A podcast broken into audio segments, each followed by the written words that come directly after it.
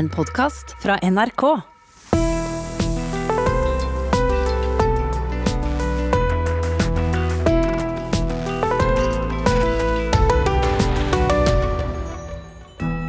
Om du alt har vært ute og forsøkt å løpe av deg juleflesket, om du er kronisk stabilt sideleie etter harde netter, eller sto opp klokka fem for å delta ved ottesang. Uansett hvor du befinner deg, hver dag ut året så skal du få møte de jeg har aller mest lyst til å henge med i denne underlige tiden. Fordi de er interessante, dyktige, fordi det er godt selskap, eller rett og slett fordi de har vært ute en vinternatt. Mitt navn er Hilde Sandvik, som i dag sitter her med UXA-seltzer, Happy Tom og trygdebeistet i én og samme person. Velkommen, Thomas Seltzer. Tusen takk. Tusen takk. Hey!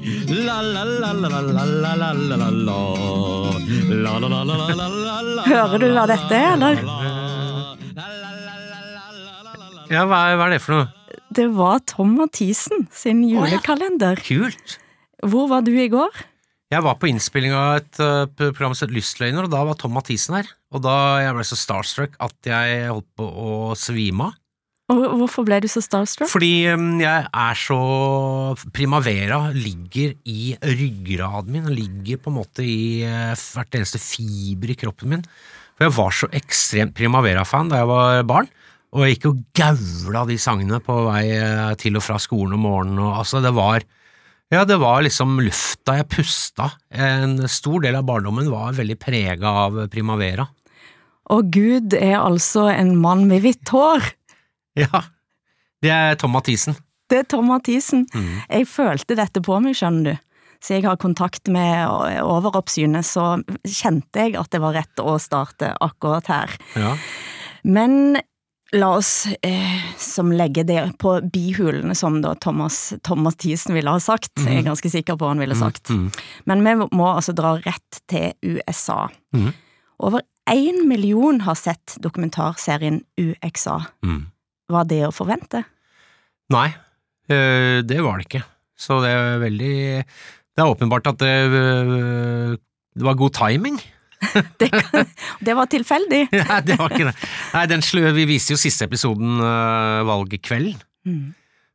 Så øh, det er veldig vo- voldsom øh, interesse for det amerikanske, for USA, og ikke minst dette med Trump og på en måte dette rare som har skjedd i USA de siste åra, da.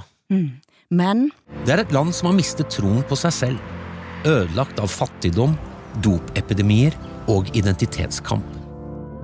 Siden jeg bodde her på 70-tallet har den amerikanske drømmen gått fra å være en reell mulighet for ganske mange, til å bli en saga blott for de fleste, inkludert min egen familie. Amerika, nå er jeg redd. du var redd. Er du fremdeles redd? Ja, jeg tenker at øh, det er det Amerika som vi kjenner.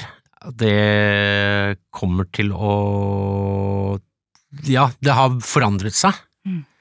Og øh, jeg tenker at øh, dette samfunnslimet som man må ha for å ha et samfunn, eller for å ha et sivilisert samfunn, det er ganske tynnslitt i dagens USA. Selv om eh, nå det ser ut som at Biden skal i stolen i januar. Ja, jeg tror ikke det har så mye å si.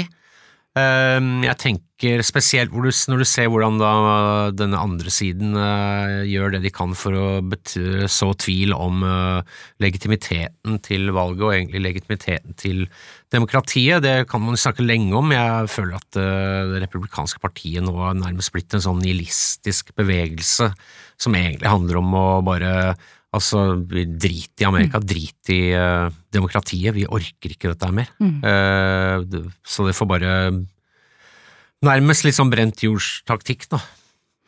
Du vokste opp i denne byen med altså den navnet Superior. Mhm.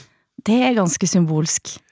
Ja, og eh, det er fordi at det var en øvre sjøen, altså den het Lac de Superior, av noen sånn fransk pelsjeger som eh, døpte den sjøen. Men det høres jo veldig overlegent ut. Ja. Ja. Og det er ikke mye overlegent lenger. Nei, det har alltid vært en røff by. Eh, Når vi møtte Robert Putnam, han Harvard-professoren som kan veldig mye om eh, sosial ulikhet i Amerika, han var veldig fascinert av at eh, jeg hadde bodd der. Han er veldig For det er en um, det er en veldig, har jo vært en veldig rik, et veldig rikt område, men det er jo en havneby, blant annet, midt i Amerika. Og det husker jeg også fra jeg var liten, at vi kunne se eh, skip med altså, russiske bokstaver på. Det blir jo skippa ut mye korn til eh, Det er jo en av de hemmelighetene ved kalde krigen, var at USA holdt jo liv i Sovjetunionen med veldig mye korn. Eh, Og mye, en del av det i hvert fall ble skippa ut derfra. Så det er jo en havneby med barer og alt mulig, altså midt, eh, ikke på prærien, men midt inne i de store skogene i midt, øverst i Midtvesten.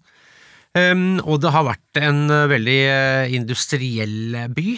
Um, det har vært mye Og det visste ikke jeg før jeg kom tilbake nå sist, men Martin Tranmæl, når han, eh, han emigrerte til eh, Amerika som ung malersvenn i året 1900, så flytta han Det første stedet han bodde i noen år, var i Superior. Det visste jeg ikke. Nettopp. For der begge brødrene hans bodde der. Og der lærte jo han jo dette organisasjonsarbeidet og ideologiske, fikk den ideologiske ballasten som, jo, som han tok med seg tilbake til Norge da i fem år etter at han hadde forlatt Norge, og stiftet på mange måter den moderne norske arbeiderbevegelsen, og da også Arbeiderpartiet. Var en veldig viktig fyr der, og også på en måte en viktig arkitekt bak velferdsstaten. Og det er jo artig å tenke på at han lærte det i den lille byen der, av amerikanere. Men din far Michael Seltzer, han var òg en fagforeningsmann mens eh, han bodde der. Ja, han var det på, i sine yngre dager, så var han i det som heter IBT, International Brotherhood of Teamsters, som er dette eh, altså, som hadde Jimmy Hoffa som, som leder, og det var jo et kontroversielt uh, fagforbund. Um, men de fikk, altså var veldig effektivt, og var veldig stort, veldig mektig, og veldig, hadde veldig mye penger. Blant annet så ble jo Las Vegas eh, nesten bygget på pensjonskassa til dette fagforbundet. Um, så det var viktig, var på en måte en del av, viktig del av det amerikanske samfunnet, og, eh, og så ble han radikalisert delvis der, og så seinere av eh, anti-Vietnamkrigsbevegelsen, som også min bestefar, som da var løytnant i um, marinen, amerikanske marinen under krigen, var også veldig mot denne krigen i Vietnam. Så um, var progressiv eh, Min bestefar var jo en progressiv sørstatsmann, da. Så um, ja, så jeg kan eh, Jeg har liksom lært en del om eh, Amerika gjennom den familiehistorien vår, da. Og så reiser du tilbake igjen nå og besøker den familien som du òg besøkte for fire år siden. Mm. Eh, Kusiner og fettere, og så møter en et ganske så delt USA, og jeg må innrømme, da jeg så den første episoden der du møter din kusine og hennes familie, Mm. så var det noe som gjorde veldig sterkt inntrykk på meg. Det var tremenning av dine barn, må det bli, Ja. Bubba. Mm.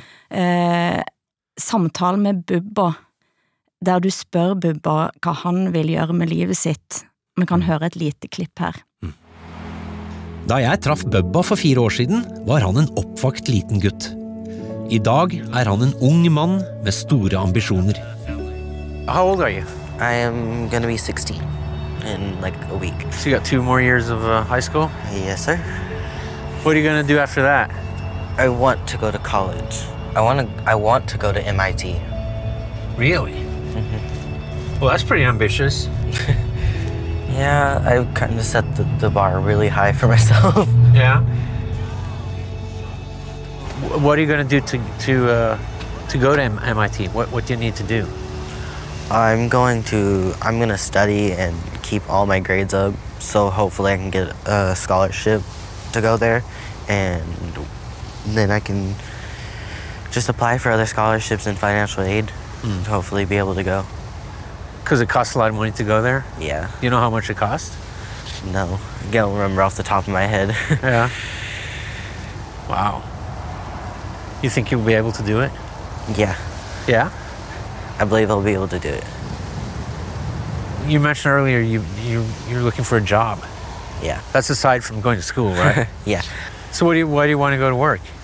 Uh, I, just, I want to make money so I can buy stuff for myself and help my mom with uh, some of the bills so it's easier on her and she's not as stressed. She worries a lot. She just kind of gets stressed out, and then sometimes she'll just walk away for a minute and then come back. I love you. Bubba Freeman, til og med. Et fritt menneske. Ja. Et eldgammelt Bubba er jo også, det er jo ikke døpenavnet hans, men det er det, han, det er det navnet han bruker, og som brukes om han. Men det er jo også et liksom parodisk, karikert navn på noen i sørstatene. Altså disse rasistene som øh, var under George Wallace, og altså disse som uh, banka opp uh, borgerrettsdemonstranter, blir jo ofte kalt for Bubbas, uh, som da er liksom en slags, ja, sånn omtrent som Oluf i Nord-Norge, bare mye, altså veldig negativt ladet, da. Så ja, Freeman, han Ja, han øh, Det er jo veldig dyrt å gå på MIT, altså Massachusetts Institute of Technology. Det koster 60 000-70 000 dollar i året. Og han satser jo på å få stipender. Ja. Um, og jeg vet jo at man kan faktisk øh, komme ganske langt med gode karakterer i, øh, i USA, selv om du kommer fra den gærne sida av jernbanesporet, som jo vi snakker om i den serien her. Eh, Men eh, jeg tenker det er jo fort gjort å havne ut på den Nå skal han jo begynne nå skal han ut i arbeidslivet, sikkert i servicesektoren. Eh, Jeg tenker at det er jo fort gjort å egentlig bare forbli der, da. Ja, det var det som gjorde at jeg kjente at jeg fikk helt vondt i magen. Jeg fikk denne her nesten liksom morsfølelsen. Eh, at en vil så gjerne at det skal gå bra. Mm. Eh, og så ser jeg han stå der, og så virker det så enormt sårbart. Mm. Han er en veldig sånn myk, eh, så, eh, sånn fin type. Han, eh, han Bubba har jo ikke så mye sånn kroppspanser, som man kanskje ville kalt det i psykoanalysen. Han er en veldig myk, og han er en sårbar fyr. Nei, og, det, og da er det noe med den generasjonen som nå vokser opp i USA, Mm. som til og med har mindre utdannelse enn sine foreldre, Mm. og med den splittelsen som du ser i familien din òg, da, Mm. i løpet av denne serien. Eh, Reiste du tilbake med noen andre tanker enn det du hadde når du dro dit? Nei, altså Vi dro tilbake i 2016, og da Mm. lagde vi den eh, dokumentaren som heter I eh, Donald og Hillarys bakgård, som handlet om det som ledet fram til valget i 2016, og den ble vist eh, kvelden før valget. Og da Den var vel på en måte Gikk jo langt Altså, jeg spådde jo på en måte at Trump kom til å vinne, da. Um, og da, Jeg har jo hatt, har hatt kontakt med Craig, han fetteren som dukker opp i siste episoden. Ja. Han har kontakt med stort sett uh, siden vi var unge. Uh, og Kim, delvis. Hun moren, altså hun som har MS. Uh, og moren min tok med henne på ferie for noen år siden. Og så det har vært en del kontakt med, med akkurat de to, da. Um, men, ø, og de, altså det som er storyen her, er at faren min ø, kom seg jo inn i Altså ble utdanna. Det var jo en stor utdanningsrevolusjon i USA på 50-60-tallet, ikke minst fordi at russerne plutselig hadde skutt opp en Sputnik. Så var jo altså utdanningsrevolusjonen var jo en del av den kalde krigen. Um, men den, min tante Janie, hun ø, var ikke med på den. Mm. Så at det var min, nei det var faren min og henne som var søsken, og så var det, så hun eh, havnet da i arbeiderklassen. Og, nå, hennes barn nå er jo det man kaller for prekariatet, så fint, altså Un underklassen. den underklassen som ikke, som lever prekært da, som ikke vet om de har råd til å betale husleie eller strøm eller bensin neste måned. Nei, for din far sier at han kan takke Vietnamkrigen, fordi det var sånn at hvis du fikk eh, under C på prøver, på tester, så ble du sendt til Vietnam. Mm, Så da måtte han skjerpe seg, mm, og gjorde det. mm, Men, men det var jo òg denne delingen i familien din med folk som da stemmer på Trump, og folk som ville stemme på Biden, mm, eh, som et stort fiendskap. mm. Hvordan møter en det?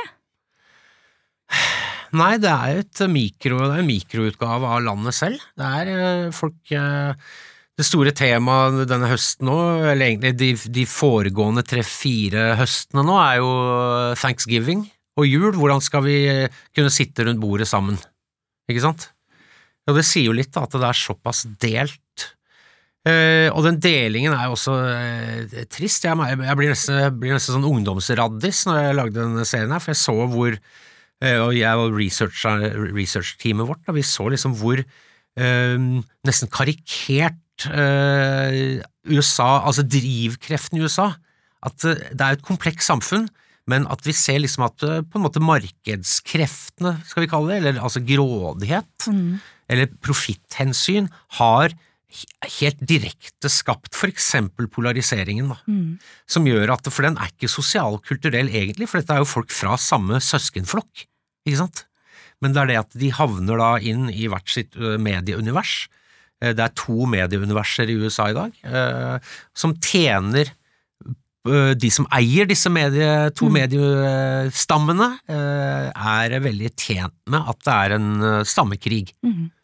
Men litt grann om mediene, for etter, etter valget nå, Mm. så har det jo spruttet opp masse nye mediekanaler. Mm, Newsmax, og jeg vet ikke hva de heter, mm. Eh, som er mer sånn ytterliggående Fox News som går liksom enda mer til høyre, eller hva er det for Ja, noe? nei, det er fordi at Fox eh, Du kan jo si at det er på en måte Rupert Murdoch sitt eh, Fox på den ene siden har jo vært stammefakkelbærer for den ene stammen og skapt, vært med å skape konflikten, og så har det vært CNN og MSNBC på den andre siden. Dette er fordi at kabel-TV ble hoved-TV etter hvert, altså sånn på 90-tallet. Eh, disse eh, presseetiske hensynene som var der før, ble fjernet eh, i 1987 av Reagan-administrasjonen. Jeg antar at det kanskje var noe profitthensyn inne i bildet der òg. Og da har du, og med kabel så kom det jo døgnet rundt nyheter. Og da må du ha noe å fylle nyhetsbildet med døgnet rundt, og da er det jo konflikter, skandaler og faenskap som bare skal pumpes fram. Altså det er det breaking news tre på natta hvis du ser på Fox eller MSNBC. Ja. Nå har det skjedd noe, nå har det, litt, nå har det vært en ny lekkasje av noen dokumenter. Wow, følg med! Ikke sant? Um, og da blir det jo Temperaturen blir høynet for å holde oppmerksomheten, og dermed så har du da bare det, altså disse, alle disse tusen små skandalene og nyhetene og faen, altså disse onde begivenhetene skaper da et, øh, et, et, en delt verden. Og nå er det, ser det ut som det blir splittet opp i enda mindre atomer. Ja, men altså det som, jo, for det som skjedde var at Fox har jo vært på en måte, de var jo veldig opposisjonskanal under Obama. ikke sant? Hvis Obama hadde på seg en beige dress, hvilken han hadde én gang, så var det jo nesten døgnet rundt spesialsendinger i flere dager. ikke sant? Hvis han holdt kaffekoppen feil. Det var jo ikke så mye å ta Obama på, da, for han var jo ganske døll og ganske sånn propper type. Um, men eh, altså det sier jo litt at Tucker Carlson, denne fyren på Fox News, han fikk tak i et opptak av CNNs direktør, Jeff Zucker, et hemmelig opptak hvor han sier at eh, vi vil gjerne ha fire år til med Trump, for det er god butikk for oss. For da, Det er om å gjøre å være i opposisjonskanalen, mens eh, det sies at folk i kretsen rundt Rupert Murdoch sier at Murdoch vil gjerne ha fire år med Biden, for da kan Fox gå tilbake til å posisjonere seg som den rabiate opposisjonskanalen. Mens under Trump så har de nesten måttet blitt tvunget ut i et slags sånn eh, fordi Trumps univers er såpass ekstremt, så at eh, Fox har nesten blitt en sånn sentristkanal. Hvor de må liksom moderere Nei, du tapte nok valget i den og den staten, herr president. Nei, fuck you! Ja. Ikke sant? Og da sier han fuck you, og så går han til disse andre Newsmax. enda mer Newsmax og OANN. Uh, uh, sånn at um, Nei, Murdoch kunne nok veldig gjerne tenke seg å være rabiat opposisjonskanaleier, fremfor å være litt sånn døll eh, romtemperaturkanaleier. Du hører altså på Sammen med Sandvik, og den som sitter sammen med meg her i dag er Thomas Seltzer. Og Thomas, er det et klima som dette som skaper sånne som Met-dronningen Laurie Arnold? You're supplying this pretty big area with methamphetamines. Yeah. It just kept getting bigger and bigger, and people, more people wanted it and wanted it. Did you hire a chemistry teacher? Like I, Walter- I, Walter I hired a chemist out of Albuquerque, New Mexico. No. Sure did. Just like in Breaking Bad? Just like in Breaking Bad. But I shipped him up to Iowa. Ja, altså det som skapte Laurie Arnold og meth-markedet, det var en eh, brutalisering av arbeidslivet. Og en uh, utskipping av eh, arbeidslivet, kan vi si, eller nedleggelse av arbeidslivet. Hun eh, supplerte altså Midtvesten, eller, og store deler av USA ellers også, med methamfetamin, som er en veldig sterk type for uh, amfetamin. En veldig effektiv type og veldig avhengighetsdannende type amfetamin. Og, og det, er, det er også en av disse store Amfetamin og arbeidsliv i USA siden uh, krigen omtrent uh, har jo gått hånd i hånd. Uh, faren min fortalte hvordan lastebilsjåfører da han var ung, de tok am, piller. Laurie Arnold, Arnold forteller om moren som drev catering. Hun tok også amfetamin for å kunne levere og sette opp nok bord og servere nok mat på kortest mulig tid. Eh, og på min fetter Craig, som jobbet på et sånt gigantisk trykkeri før, så var det sånn at de fjernet eh, dørene på toalettene, sånn at folk ikke skulle kunne ta og legge striper, som det heter, altså eller snorte mm. eller røyke um, uh, amfetamin på jobb for å holde seg gående. Så uh, dette er noe man man forbinder jo dop i Norge kanskje med sånn total sosial misere på plata, eller liksom partydop, men her har det vært, altså i det industrielle USA så har det vært en ganske sånn innvevd del av arbeidslivet for veldig, veldig mange. Da. Og hvordan fikk dere tak i Laurie Arnold? Nei, hun var, det, det, er litt morsomt, fordi hun var, hun er søsteren til en veldig kjent komiker som heter Tom Arnold. Eh, som eh, var gift med Roseanne Barr, det var liksom 80-tallets store par i USA. Um, Eh, så hun hadde nok et litt sånn navn der, men i hvert fall uh, Playboy Hun har prøvd å, hun har skrevet et slags man, eller hun har skrevet bok eller manus, uh, og Playboy da har uh, gjorde et svært, en svær feature om henne. Men hun er ganske hard, Laurie. Hun er, eh, hun satt vel 14 eller 16 år i føderalt fengsel. Jeg tror hun var ganske hard som 17-åring også, når hun eh, allerede la grunnlaget for dette narkoimperiet sitt. Det var ikke mye dårlig samvittighet å spore? Nei, og det sier hun. Jeg sier, skal du, du må jo få lagd film av denne boka di. Ja, men jeg veit ikke, det er ingen, ingen, som liker den. Ja, hvorfor ikke? Nei, broren min sier at det, er, det er for kaldt, det manuset, det er for kaldt.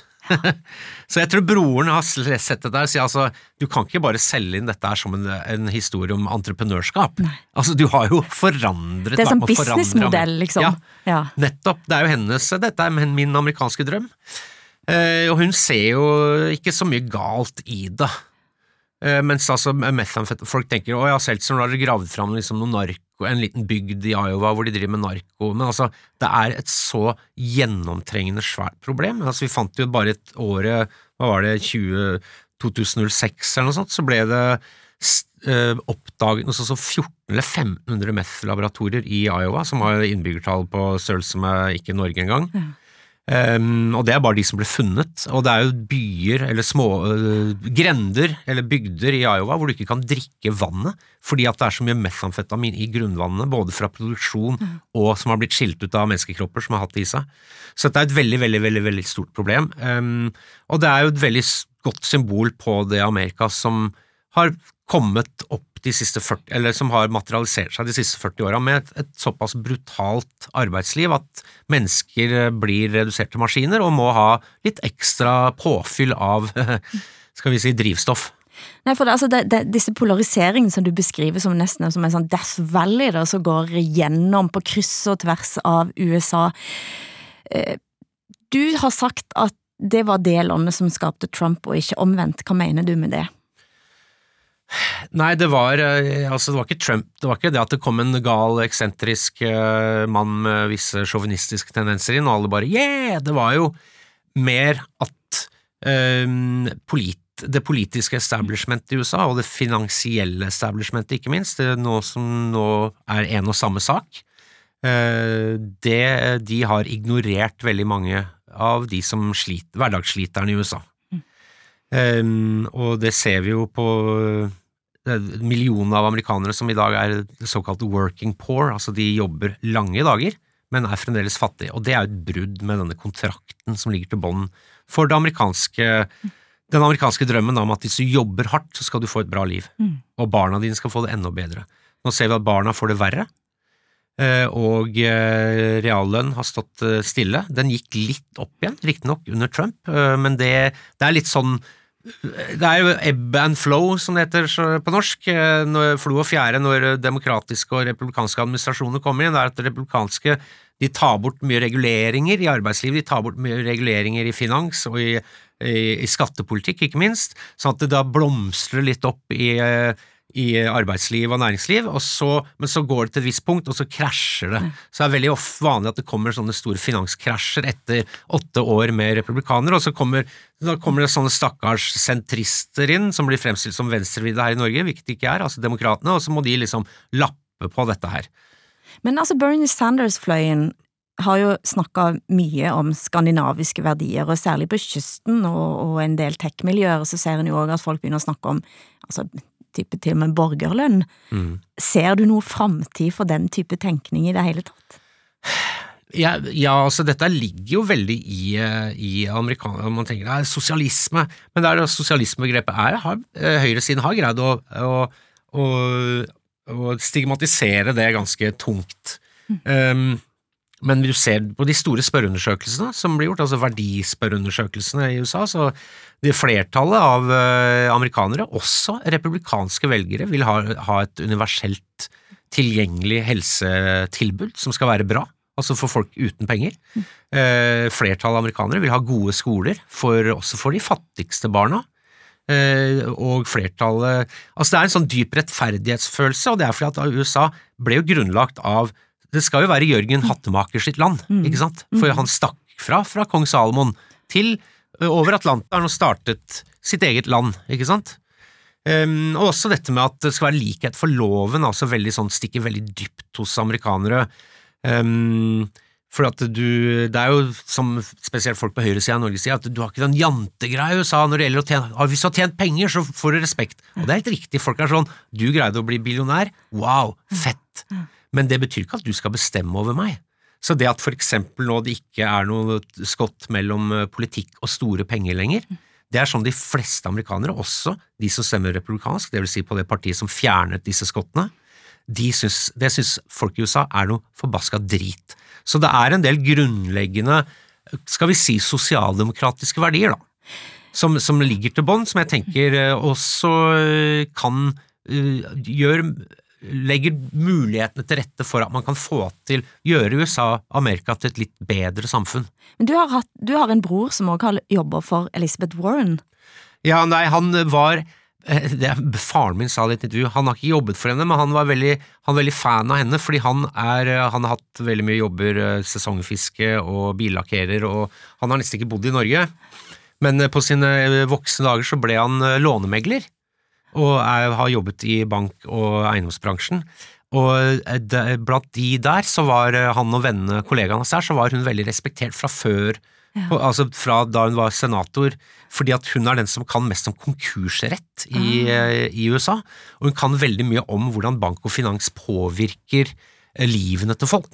Så han for mange, fakt- i hvert fall etter at hun ble senator, da, men en del år siden, så skrev han et brev til eh, Elizabeth Warren, og så fikk han et langt brev tilbake hvor hun øh, svarte på hans ting, og var veldig sånn øh, svarte veldig grundig og fint, og da tenkte han dette er en politiker som svarer på brev fra en øh, lånemegler øh, på en veldig fin måte. Ja. Så at øh, han har veldig sånn soft spot for henne.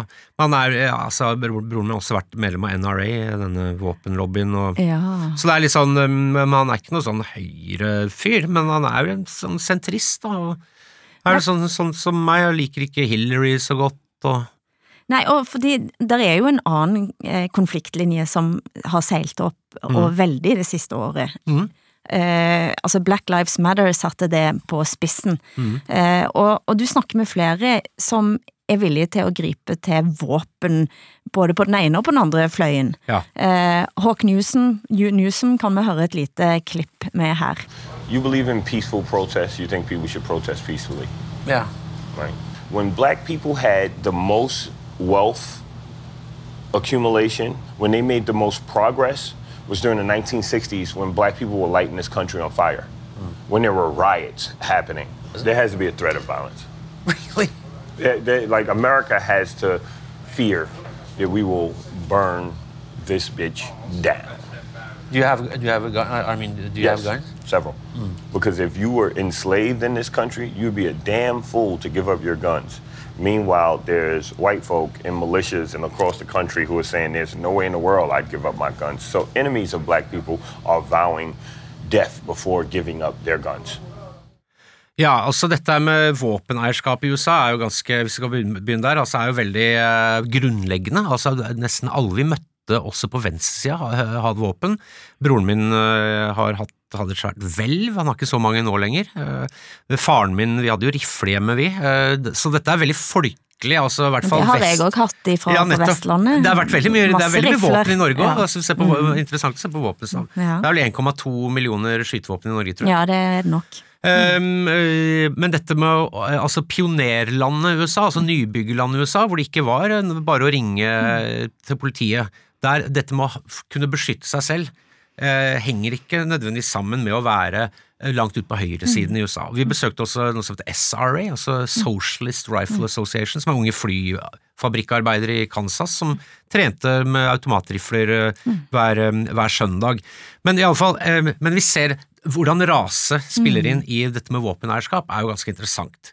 Fordi at um, kritikere på venstresiden, altså som Michael Morrison, sier at det er et raseelement i denne retorikken til National Rifle Association. I denne boken, nei, filmen hans som heter Bowling for Columbine. Og det, det, det er nok, De har nok avslørt det ganske tydelig flere ganger, at uh, um, altså de kjemper for det andre grunnlovstillegget, som er det som sikrer våpeneierskap for alle borgere. Men vi så i, sånn som i 1968, så marsjerte altså Svarte folk fant ut at å ja, vi er jo borgere, vi òg. Mm. Vi kan ha våpen, vi òg. Og det er det Hawk Newsom her sier. Eh, Ja, Husk, ikke det- Den gangen hadde vi det, det da vi tjente mest, det da vi hadde best posisjon. Ja, for det, det han snakker om er opptøyene, de store Mm. opptøyene i 1964, eh, 1968 i USA. Eh, men altså, sånn som disse Black Panther Party, de eh, marsjerte De hadde en demonstrasjon utenfor eh, Statscapitol i Sacramento i California i 1968, hvor de da sto med disse svarte uniformene og, og alpeluene sine, og rifler. Og da snudde NRA, og da var de ikke så veldig for denne, dette andre grunnlovstillegget. Mm. Og det, da daværende California-guvernør Ronald Reagan, da, da innførte de vå... Nei, våp... Jøss, skal, skal folk bare ha våpen? Helt fritt? Hva er dette for noe? Og da innførte de en, um, da innførte de en, uh, et, uh, noen innskrenkninger. Så NRA, altså våpenlobbyen i USA, har selv kjempet mot våpeneierskap, men da når det gjaldt svarte borgere. Så det er jo uh, litt avskjørende. Hvis det går an å svare veldig kort, dette er et eget program i seg sjøl, men hvor stiller du deg i, til den identitetspolitikken som en ser breie seg ut da, i eh, USA og resten av verden? Jeg tenker eh, det er nesten interessant å se en del motstandere av identitetspolitikk. Jeg har på følelse at de egentlig er motstandere av borgerrettsbevegelsen, blant annet. En del folk på høyresiden som er det, er det noe dritt, dette her. Litt samme som eh, du mener at eh, NRA eh, Ja, at det, det er en undertone av, la oss si, kalle det white supremacy, da, som ligger i bånn der. At, men det er bare så det er sagt. Men jeg liker ikke Jeg mener at strategisk sett så er identitetspolitikk en veldig dårlig idé. Jeg tror USA står foran enorme altså USA står foran enorme utfordringer, og da mener jeg det er mer hensiktsmessig å se på de som har, og de som ikke har. Eh, For ikke å bruke begrep som klasse, men altså middelklassen i USA, som veldig mange identifiserer seg om, har ingenting lenger og har heller ikke noe framtid. Med mindre noe skjer, med, med mindre man kan få til en mer rettferdig fordelingspolitikk for USA. Disse 40 årene hvor det har gått til helvete med veldig mange i USA, og veldig mye av det amerikanske samfunnet, så har USA tjent penger eh, som eh, hva sier man, hakka møkk. Eh, Det USAs, produktiviteten i USA disse 40 åra har gått til værs, vil si penge, profittmengden, men skjevfordelinga er nå helt grotesk, omtrent på nivå med 1890-tallet. Det er Eh, sånn, Sånn ja. at eh, det er de tinga der man må fokusere på. Eh, og jeg tenker man gjør folk sånn som på NRA, man gjør folk på høyresiden, denne litt crazy høyresiden i USA, man gjør dem en veldig stor tjeneste ved, ved å liksom fokusere. Det er en som heter Mark Lilla, som har skrevet veldig mye om det, eh, identitetspolitikk og amerikanske venstresiden. Han sier at han er selv bilarbeidersønn fra Detroit og gammel demokrat. Han sier at hvis du går inn på eh, republikanske partiets hjemmeside, så handler det om America. Mhm. America ditt, America datt, America ditt, ikke sant? Hvis du går inn på det demokratiske partiets hjemmeside, så er det sånn Klikk her dersom du er samoaner-amerikaner. Mhm. Klikk her dersom du tilhører den og den minoriteten. Mm. Og det, er, eh, det kan jo høres ut som at jeg liksom driter ut det å ha en bevissthet rundt uh, Samoa, å være samoansk amerikaner, og det ikke i det hele tatt. eh, øh, ikke minst så har dette med indianernes mm. identitet i USA har alltid engasjert meg, siden jeg var liten og hadde min bestevenn Joey, som var indianer. Jeg husker på en måte at det levde i en fattigdom som vi ikke kjente til. Men det er bindestrekene du eh, Det er det, er det at de utfordringene er såpass store at vi må på en måte få Mm. bare fiksa øh, Altså Ja, altså Ja. Det må bare, det må må bare et helt annet det må del, Korta må deles ut på nytt, da, for å bruke et uh, Roosevelt-uttrykk, New Deal, og da står de bindestrekene veldig i veien for det, og det er nesten som man Hadde jeg vært paranoid, så hadde jeg tenkt at dette er sånn som uh, folk i republikanske partiet og deres uh, oligarkdonorer har fått demokratene til å gå, gå inn i. Jeg får lyst til å sove. Ja. Jeg får lyst til å, å tenke å eksplodere på en måte òg, men eh, Men det er jo vanskelig å kritisere som da hvit privilegert mann og sånn, fordi Og at da kan man jo bli, bli eh, Da kan man bli beskyldt for å være struktur, strukturell, eller strukturblind, Ja. og at det er privilegiene som sier dette her, og det, det kan så være, men jeg tenker at man må ha en eh, de, de gangene altså på 90-tallet, det ekstreme uh, skjevfordeling som USA var i da, som man kom ut av via Roosevelt, mm. altså Teddy Roosevelt, og populistene, altså populisme var en be bevegelse som oppsto, altså dette begrepet oppsto i prærien som en sosialdemokratisk bevegelse blant bønder og småbrukere og jernbanearbeidere. Um, eh, og jeg tenker at disse store løftene som USA har vært i før, da har det vært, eller de store, store problemene har vært i før, så har det vært felles løft. Sånn som det, også som New Deal på 30-tallet. Det var ikke noe bindestreks eh, identiteter der, men på den annen side kan du si at ja, men det, de, det var de hvite som kom best ut av de løftene. Ja. Um, Men et, et lite, bare igjen går det an å si noe kort om dette.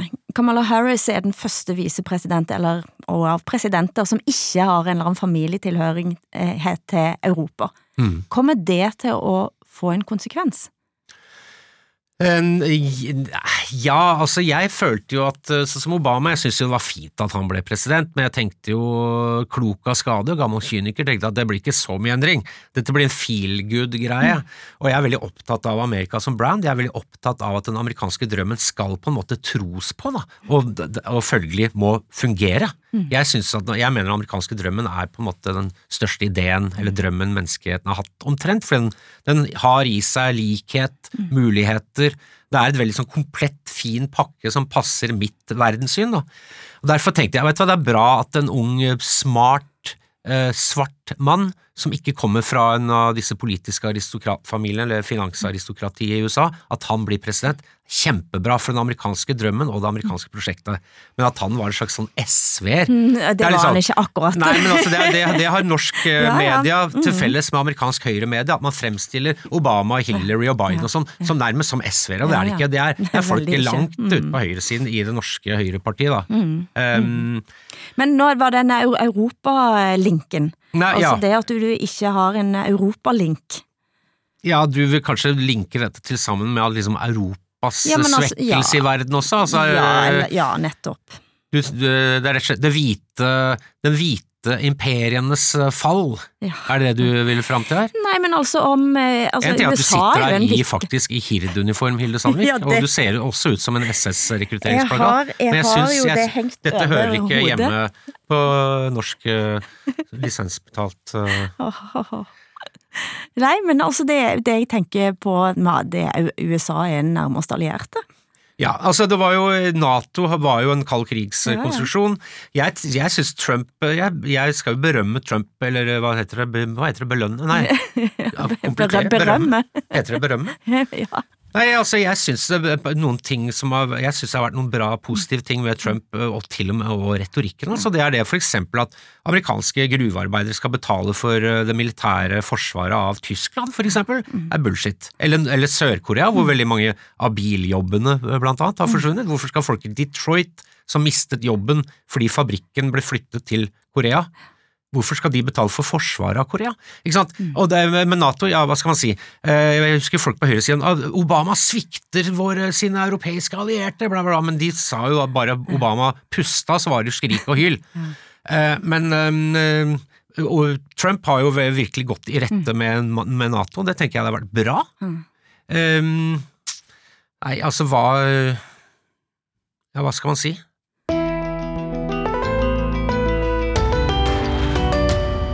Jeg sitter her med Thomas Seltzer, du hører på sammen med Sandvik.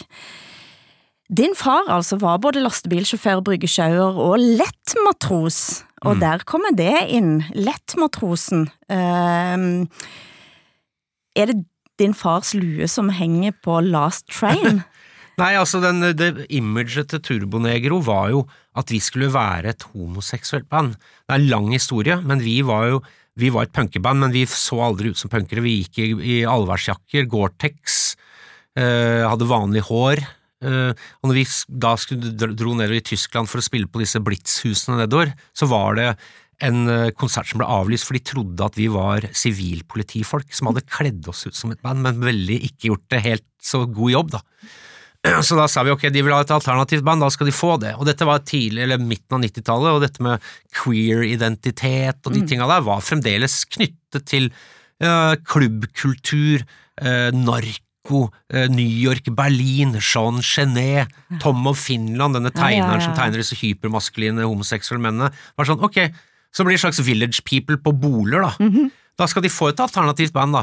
Fuck de folka her, dette, dette, de er konformister. Og dette var samtidig med at det var black metal og mayhem, og, og Ja. Sto i brann. Ja, mens eh, jeg vokste opp i Follo, og jeg var, jo- kjente folk med, altså folk jeg kjente som barn, har, har jo blitt verdenskjente um, satanrockere, for å bruke et godt eh, norsk ord. Um, og da tenkte jeg, hvordan skal vi greie å slå de gutta her? Og da var det det, hva er det eneste de er redd for? Jo, det er eh, homoerotikk. Og så har det alltid også vært mye homoerotikk i rocken. Se på Little Richard, eh, se på Elvis, veldig, veldig pen mann, og disse hoftebevegelsene. Eh, var ikke bare damene som tente på det, tror jeg. Også ikke minst i hardrocken, for det har vært veldig mye lær, nagler, det tøffe, hypermaskuline, og egentlig ikke vært så mye fokus på damer. Men det var jo et oppstyr, altså vi startet i USA på dette programmet høsten 2003. Det var et under at eh, Turbo Negro hadde kanskje levd så lenge. Eh, Så var dere i USA. Mona B. Riise fra NRK var med på turné. Og det ble vel den drøyeste USA-turen jeg har vært på noen gang.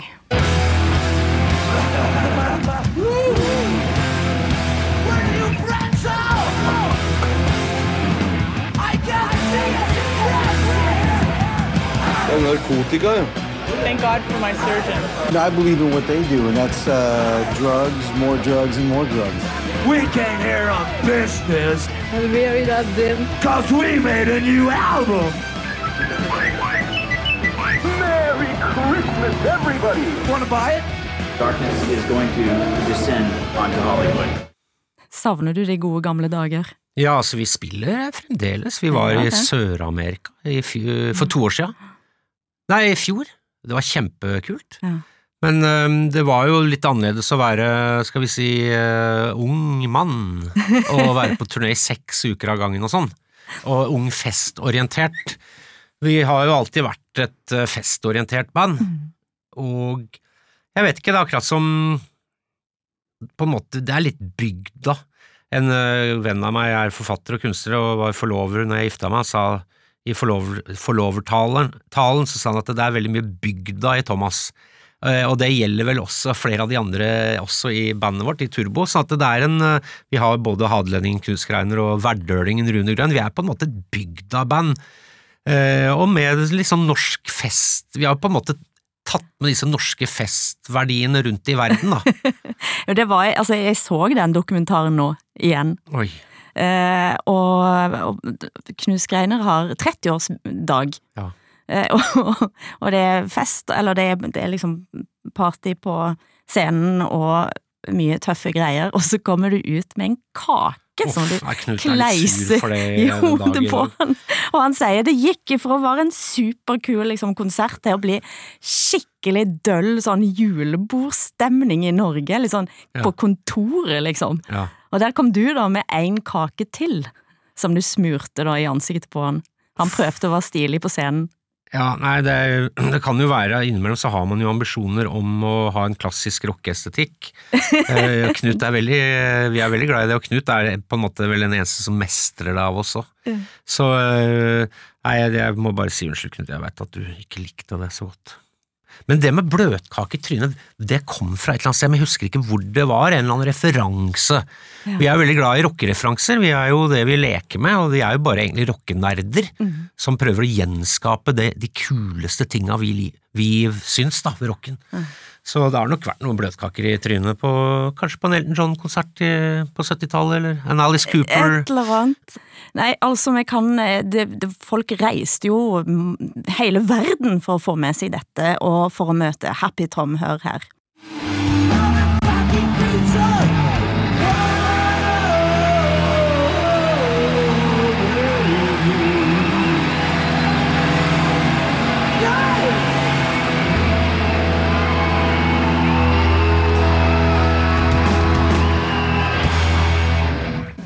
So you came from Osaka? Nice. Do you remember me? Yes. You were in Trondheim?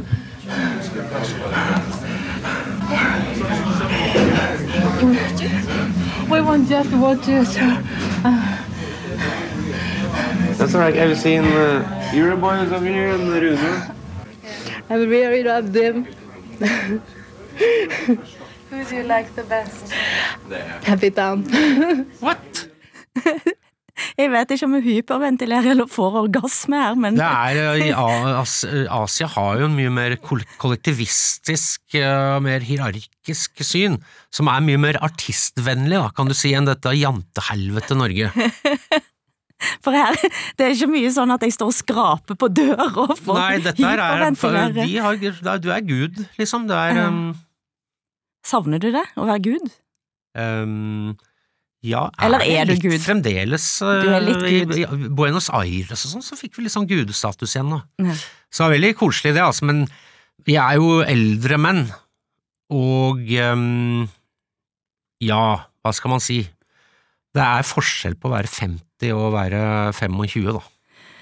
Men vi kan da altså gå innom din andre jobb, altså Trygdekontoret. Mm. Og jeg må vel innrømme at jeg aldri har vært så fornøyd med å bli casta på et panel som du. Du satte, du satte meg sammen med Ken Ring, den svenske rapperen, Ja. eh, for å snakke om Sverige. Jeg hadde vel aldri kommet på en sånn booking sjøl, eh, men det, det ble jo magisk. Det ble veldig fint. Jeg var selv skeptisk til Ken Ring, Ring, Ken Ring men det var en i teamet vårt, var det Martin Gedde Dahl, kanskje?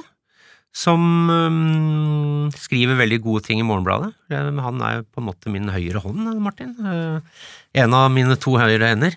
Um, han Jeg var skeptisk, men det var veldig god casting, fordi at Ken Ring er, eh, har et veldig øh, innfrasyn på, det, på de svenske tilstander, da, som vi Mm. kaller det. Nemlig brennende biler, gettofisering, ekstremt lite Tolvåringer som skyter heroin, som Ja. han sa. Mm. Eh, Nettopp, altså veldig veldig feilslått integreringspolitikk, de tingene der, som han fortalte om veldig åpenhjertig, og ikke sånn som man kanskje skulle trodd. Altså, han sier jo selv at dette er Det er veldig på avveier, og jeg vil ikke at barna mine skal vokse opp i det. Mm. Nei, for det jeg, tenker, det jeg tenkte da jeg satt der, var at dette er det eneste programmet på TV eller på radio der en kan ha den type sammenstillinger av folk, Mm. eh, og at det handler litt om òg ditt blikk, men selvfølgelig de folkene rundt deg sitt blikk, Mm. på rufsethet og hva som er inne og ute, og hva er, vil du egentlig? Er det, er det bare for å være kul, eller er det noe annet i det? Nei, jeg vil jo, vil jo alt Altså, jeg tenker jeg spiller band her på TV og sånn, er det jo, det er jo en dyp narsissisme som driver meg. Du Eh, påstår at din mor eh, ville kanskje kalt deg sosiopat, hun er, var psykolog? Hæ? Nei, det har jeg aldri sagt. Det, det var en gang du sa Nei, hun jeg- mener tvert imot at jeg var veldig snill mot dyr.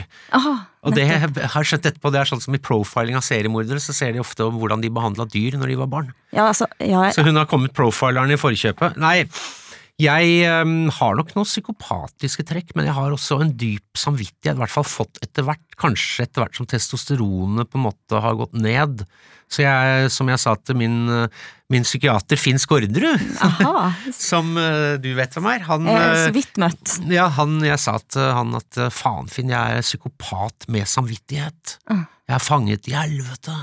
Og det, han, så vi har snakka en del om det. Men at jo, øhm, jo, nei, jeg, jeg syns jo Når jeg kom til Norge som fem-seksåring, så skrudde jeg på TV-en først ja, hos tanta mi. og så var det snøstorm midt på dagen på TV, for vi hadde ikke TV i Norge ja, ja, ja. Og da tenkte jeg, når jeg kom til et veldig kjedelig sted, så sa jeg til moren min at jeg har lyst til å dra hjem igjen. Men da skulle vi bli boende i Norge. Så jeg tenker vel at jeg alltid har prøvd å ikke kjede meg. Mm. Eh, og da har det vært Og så er jeg vel eh, jeg er veldig nysgjerrig og Ikke åpen, men jeg er veldig nysgjerrig på livene til folk. Mm. Og jeg tenker at hvis du hadde lagt på litt dramatisk musikk eh, og klippet til litt og sånn, så er, har veldig mange folk episke liv. Ikke bare polfarer eller rockestjerner eller um, store maktmennesker, men også det er mye som skjer i livet til folk, eh, og det har vært en av mine andre flaggsaker, det er litt med rusbehandling og, og psy psykisk helse, at det finnes rus- og psykiske helseproblemer i alle familier. Og det er sånne ting som interesserer meg, da. Et lite klipp derifra, fordi det, dette sier kanskje nå er det året vi lever i nå, sier noe om dette året, men det sier òg noe om at du òg skifter mening. Her er det altså Ari Behn som er på trygdekontoret. Når jeg så deg første gang, så var du, hadde, var du 20 år gammel, hadde bollekinn, langt flagretters erf. Da tenkte jeg at det der, det er en nevemagnet. Så jeg skyndte meg bort for å slå til deg midt på trynet. Så fant jeg at det var nettopp det med at du er nevemagnet som er en av de tingene jeg liker veldig godt med deg. Altså, du provoserte så utrolig ved å være denne dandyen, denne flanerende liksom eh, Prøv nå, da. Jeg kan bare kose litt med det. Altså, er det, er det, er det, tror, du, tror du det er dette agget altså det at, Er du en nevemagnet? Nei, altså jeg blir jo overrasket hver gang. At, først har jeg da skjønt i disse åra at eh, folk oppfatter meg som veldig arrogant. At jeg er Mm. proppfull av et eller annet eh, gen som, som eh, folk blir hoppende gærne på. Og det skjønner jeg jo ikke. Men det er tydelig, det. Ja. Det Det var trist å høre. Trist gjenhør. Altså. Nei, Ari var som sagt, han var jo nevemagnet med disse stemte S-ene sine, Mm. og dette Han var veldig fan av Paul Bowles og disse Mm. store bohemene, altså outsiderne. Altså. Men han var, Ari var en veldig snill fyr, og Mm. veldig inkluderende fyr. Og det Og raus. Veldig raus og snill fyr, altså. Så det er Mm. veldig, veldig stort tap, det med Ari. Og jeg, Mm. jeg tror alle, jeg var jo ikke sånn, hang jo ikke veldig ofte med Ari, men jeg har kjent den jo igjen i alle år, og man får litt sånn åh, skulle man ha vært litt sammen på slutten? Mm. Eller altså Mm. Nei, Ja. jeg, spilte det òg fordi det sier noen ting om at de direkte møtene da, som du kan ha i et eh, ganske sånn ironisk konsept som det trygdekontoret på mange måter er, og så oppstår det sånne ting som dette. mm. Jeg håper det, altså. Ja, nei, det gjør det. Gjør det. Så nei, det var et uh, interessant gjenhør. Nei, um, jo, altså jeg, jeg tenker jo at øh, for eksempel det med svenske tilstander, da, for å Mm. gå tilbake til det. Altså det er jo øh, det, er det er bedre å snakke med folk enn å snakke om folk. Mm. Og da hadde jo en Sverigedemokrat, Mm. gammel punker, som hadde vært på venstresida, og som nå vel på mange måter følte seg delvis på venstresida ennå. Vokste opp i Biskopsgården, eller eh, Hisingen, denne, en av disse såkalte millionprosjektet i Sverige, altså disse drabantbyene som ble bygd på 50-tallet for å huse en million eh, finner, var det vel opprinnelig, Mm. men som da ble en ny start for veldig mange folk fra fattige bydeler.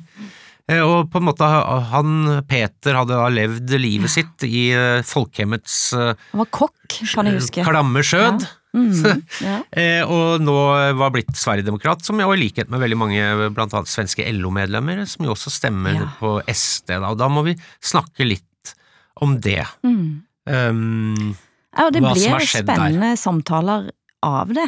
Men hvis vi nå, nå på tampen her nå, hvis vi skal Hva skal du gjøre neste år? Nei, For vi skal lage. For å. For å toppe alt dette. Nei, det topping, det tror jeg ikke Jeg tenker USA er liksom noe av det største jeg har fått vært med på å lage. Mm. Det var veldig suksess, og var veldig Fikk fortalt veldig mye, og da føler jeg liksom at jeg har vært med på et stykke sånn samfunnsbyggende arbeid. Nei, vi, vi skal fortsette å lage dokumentarer. Fremfor å sitte i det kontoret og snakke, for nå har det blitt trygdekontor i elleve år, eller ti år. Begynte i 2009, ja. Og da tenker jeg at det nå er det, så nå er det noe som heter podcast, og det vi lagde egentlig med Trygdekontoret først, var jo podcast Ja, på. TV, for det var ikke noe spesielt som het podcast da. Men det var også et sånn kulturoptimisme i det, for man tenkte, gidder folk å høre på noen sitte og snakke om noe knirkete greier over, over liksom 43, eller hvor mye var det, 49 minutter? Nei, det er 30, 39 minutter. Nei, ja, vi får se. Men så ser vi liksom podkast-universet nå. Altså et av verdens mest eh, lyttede til podkast er han Joe Rogan. Han kan sitte og snakke tre og en halv time med liksom øh, lingvister. Og han sitter jo selv og er sånn kampsporttype, og veldig mange av de som hører på, er også vanlige folk som ikke har noe peiling på lingvistikk. Da tenker jeg det er håp. Det er ikke sånn at øh, mediebildet er så fragment, frag, fragmentert, det skal bare være ti sekunder, folk har sånn og sånn oppmerksomhet som en gullfisk, blæ, blæ, blæ. Altså at folk er veldig opptatt av de store ideene og de store fortellingene. Og hva ønsker du skal skje den dagen verden åpner opp, har du tenkt på det? Åh, da skal jeg dra og surfe igjen, som er min store lidenskap. Ah. Da enten i Costa Rica eller i California.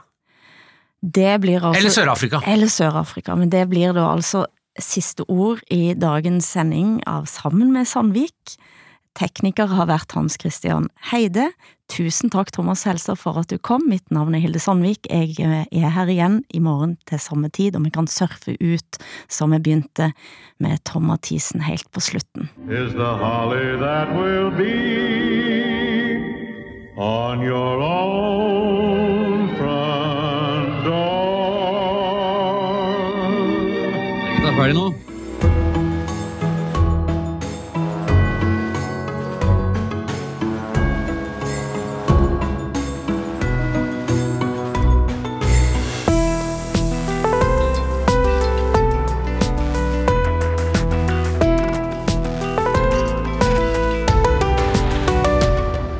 Du har hørt en podkast fra NRK.